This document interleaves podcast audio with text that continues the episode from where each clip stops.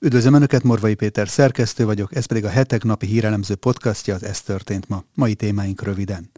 Gulyás Gergely bejelentette, a kormány kész módosítani az egyetemi alapítványok szabályain, ha ezt kéri az Európai Bizottság. Ha pedig ez nem elég, és mégsem lesz megállapodás, akkor a kormány kész kifizetni a 2024-es Erasmus ösztöndíjakat. Globális vakcina útlevélhez kötni a külföldre utazást az ENSZ egészségügyi világszervezete. A WHO terve szerint mindenki mozgását is megfigyelhetnék ezáltal. Joe Biden még jobban meglepődött, miután újabb titkosított dokumentumokra bukkantak egy másik, korábban használt irodájában. Az azért megnyugtató, hogy most sem emlékszik semmire.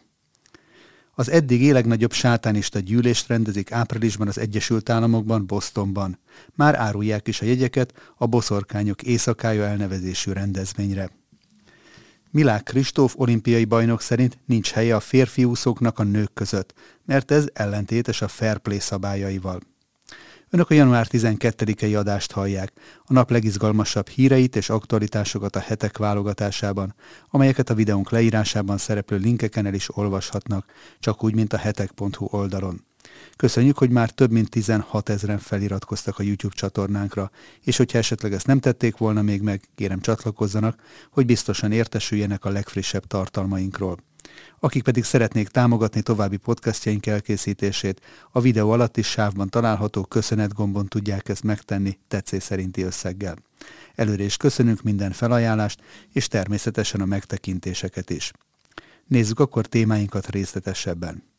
Gulyás Gergely bejelentette, a kormány kész módosítani az egyetemi alapítványok szabályain, ha ezt kéri az Európai Bizottság.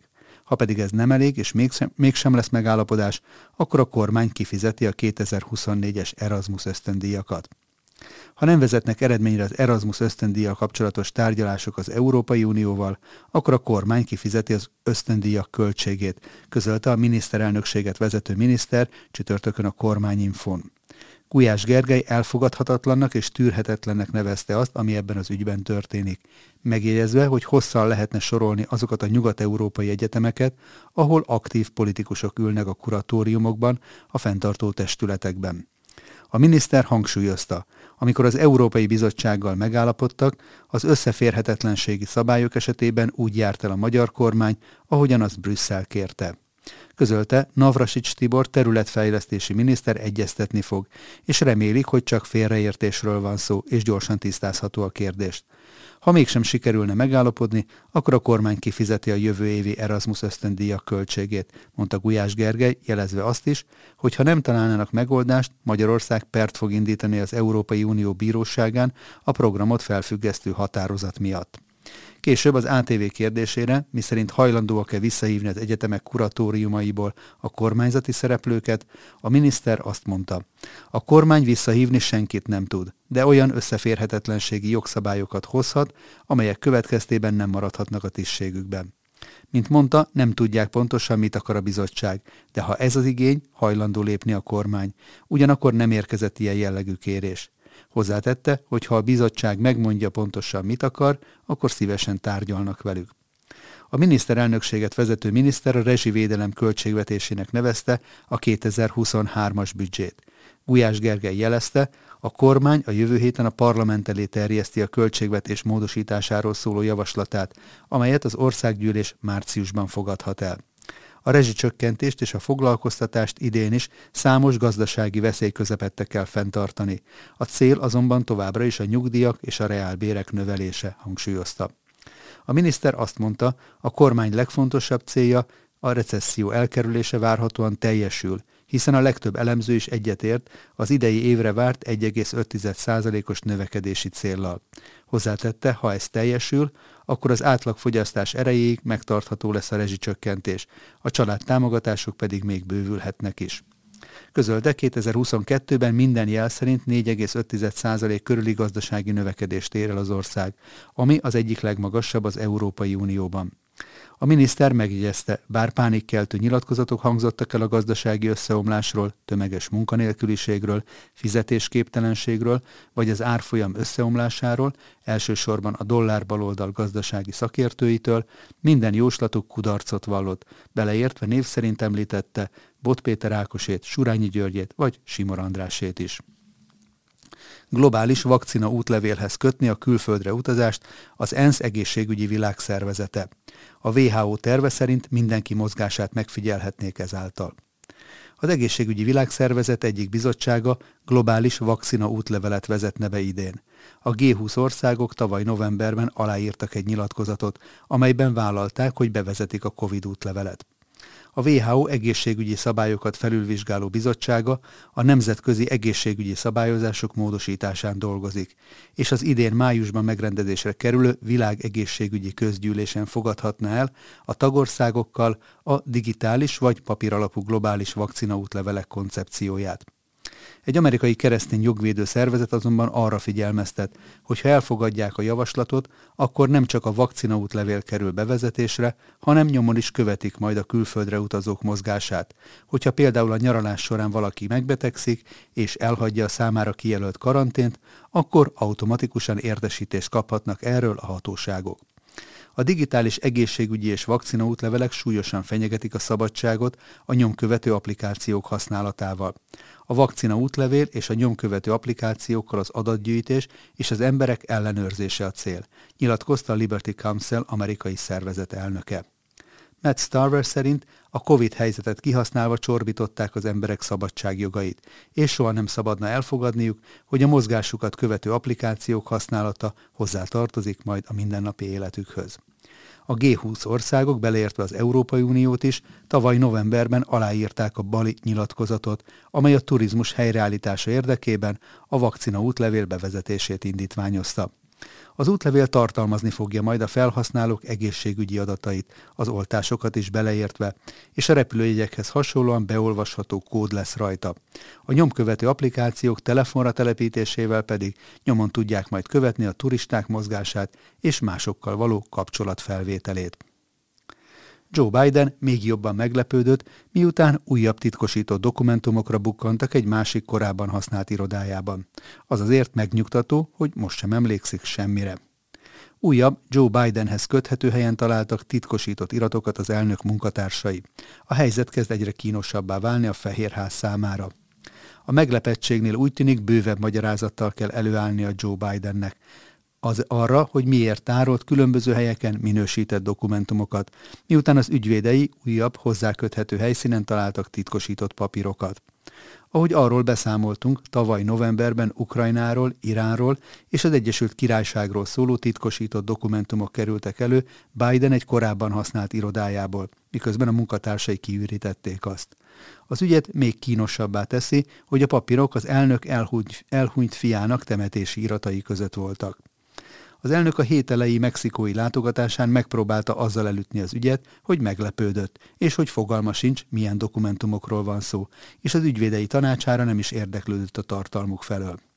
Iratokat találtak egy dobozban, egy zárt irattartóban, vagy legalábbis szekrényben, és amint észlelték, hogy minősített iratok is vannak köztük, azonnal azt tették, amit kell, hívták a levéltárat, magyarázta az elnök. A BBC most arról ír, egyelőre nem tudni, hogy az újabb dokumentumok honnan kerültek elő.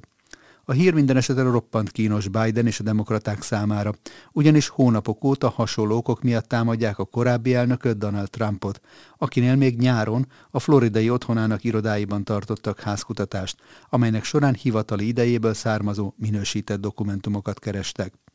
A floridai Mar-a-Lago ingatlanban a nyomozók több minősített eljegyzéssel, feljegyzéssel ellátott iratot foglaltak le augusztusban, amit követően az igazságügyi minisztérium mérlegelési körébe tartozik, hogy bűnügyi eljárást indít-e Donald Trump ellen. Trump közösségi oldalán azzal a kérdéssel reagált utódja botrányára, hogy vajon az FBI mikor tart majd házkutatást Joe Biden otthonában, illetve a Fehér Házban. Az eddigi legnagyobb sátánista gyűlést rendezik áprilisban az Egyesült Államokban, Bostonban. Már árulják is a jegyeket a Boszorkányok éjszakája elnevezésű rendezvényre. A Sátán templom elnevezésű szervezet Bostonban tervezi megtartani az eddigi legnagyobb gyűlését annak ellenére, hogy a városban még nem sikerült helyszínt szerezniük a rendezvénynek. Az április végén megrendezésre kerülő Satan Kant úgy reklámozzák, hogy az, idézem, az Isten káromlás és a megemlékezés hétvégéje lesz Bostonban, és az idei program központi témája a boszorkányok éjszakája, amely egy ősi német ünnepnap volt. Egyelőre sem a pontos helyszínt, sem a szónokok nevét nem lehet tudni, de jegyek, jegyeket már árulnak a gyűlésre. A rendezvényt Boston polgármesterének Michael Vunak ajánlják, amiért a politikus minden erejével azért küzdött, hogy a sátán templomát kiszorítsák Boston közterületeiről.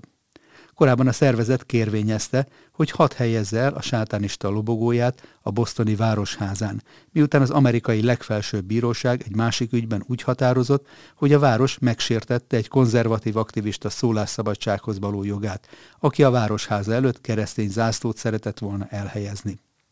A városvezetés úgy reagált a sátán temploma kérésére, hogy 2021 óta már nem vonnak fel zászlókat az épület előtt.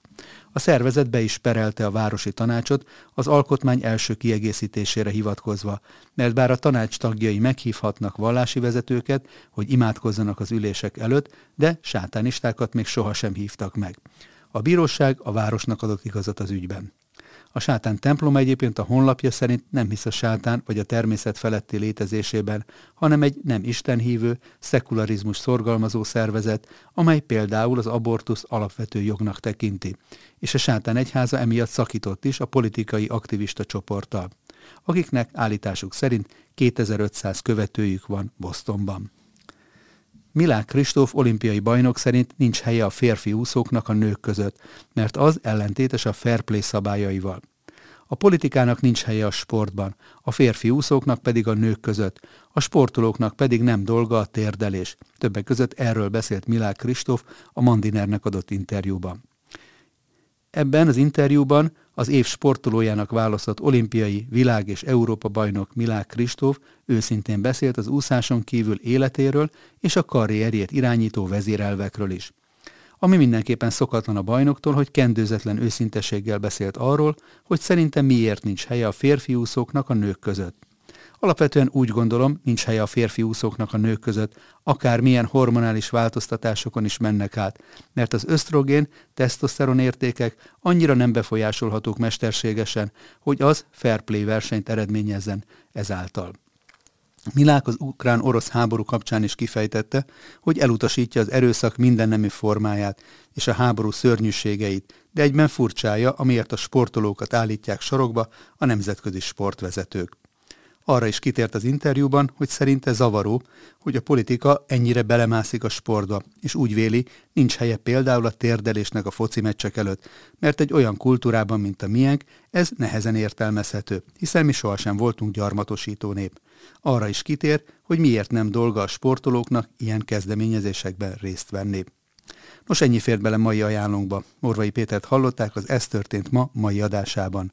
Várom Önöket holnap is aktuális hírekkel, ajánlókkal, és hogyha szeretnének ezekről biztosan értesülni, akkor kérem iratkozzanak fel a Hetek YouTube csatornájára, ahogyan ezt már több mint 16 ezeren meg is tették, amit ezúton is nagyon köszönünk. Közben tart még a Hetek nyomtatott és digitális előfizetői akciója, a fődíj egy Toyota személyautó. Viszont hallásra, további szép napot kívánok mindenkinek!